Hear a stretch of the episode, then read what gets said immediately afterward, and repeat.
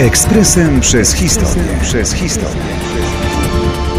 20 maja 1882 roku Niemcy, Włochy i Austro-Węgry zawiązały trójprzymierze.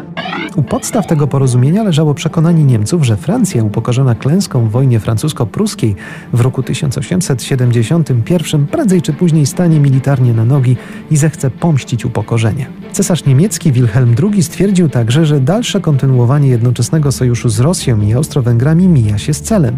Tamte mocarstwa bowiem były w stanie permanentnego sporu o Bałkany. Pojawił się zatem w roku 1879 tajny sojusz pomiędzy Cesarstwem Niemieckim i Austro-Węgrami, obliczony na wzajemną pomoc w razie ataku Rosji. Ale nikt nie przewidział, że Rosja zbliży się w tej sytuacji z Francją. Jedynym logicznym rozwiązaniem wydawało się więc rozszerzenie dotychczasowego dwuprzymierza o kolejnego sojusznika. To jednak niosło ze sobą konsekwencje, które w przyszłości będą brzemienne w skutkach.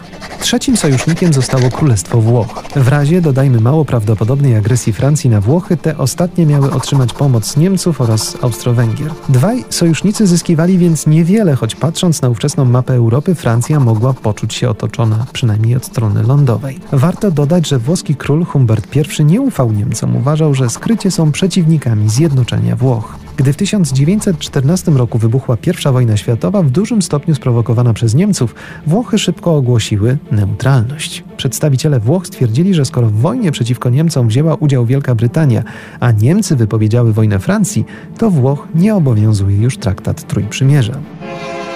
Ekspresem przez historię. Przez historię.